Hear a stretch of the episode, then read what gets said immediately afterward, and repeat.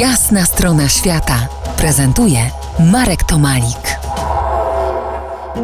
Po jasnej stronie świata profesor Piotr Kłodkowski był ambasador Rzeczpospolitej w Indiach, autor książki Imperium Boga Hanumana, czyli Indie w trzech odsłonach. Rozmawiamy dziś o problemach współczesnych Indii. W poprzedniej rozmowie poruszyliśmy temat przeludnienia mocarstwa. Sięgnijmy po wyjątkowo drażliwy, aby nie powiedzieć drastyczny temat sterylizacji. Temat sterylizacji pojawił się już w latach 60., 70. i tak naprawdę przymusowa sterylizacja miała miejsce w czasie stanu wyjątkowego, a więc w połowie lat 70. Stan wyjątkowy został narzucony przez Indirę Gandhi, a realizatorem e, owej sterylizacji mężczyzn był jej syn, już nieżyjący e, Sanjay Gandhi. Jeśli mnie pamięć nie myli, to były co najmniej dwie fale tych kontrowersyjnych zabiegów.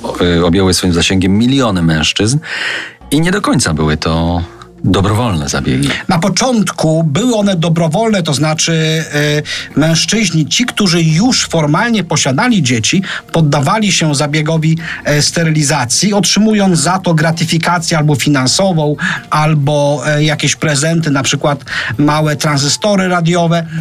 potem Sanjay Gandhi decydował się na organizację przymusowych sterylizacji.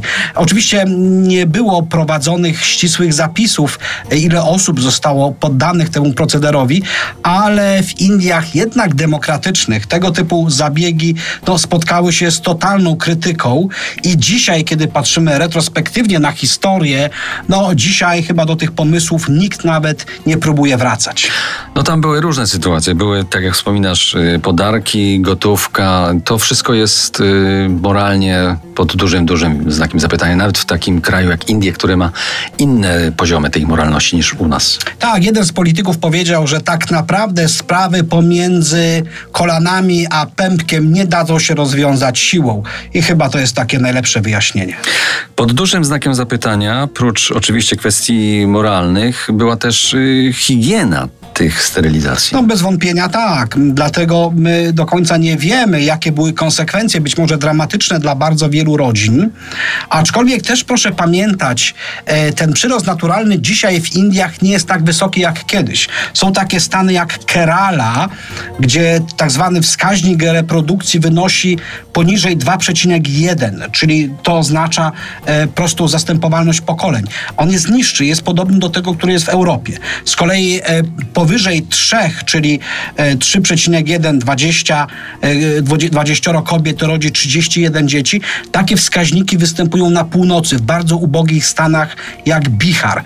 No ale z drugiej strony ta wielkość populacji, tak jak e, powiadam, miliard 250 milionów, nawet przy mniejszej rozrodczości będzie to oznaczało, że co roku Indie netto zwiększają się o niemal 20 milionów osób. A więc proszę wziąć pod uwagę, miliony osób osób młodych wkracza na indyjski rynek pracy. Ci wszyscy muszą gdzieś tą pracę znaleźć. Za kilkanaście minut porozmawiamy o korupcji w Indiach. Zostańcie z nami po jasnej stronie świata.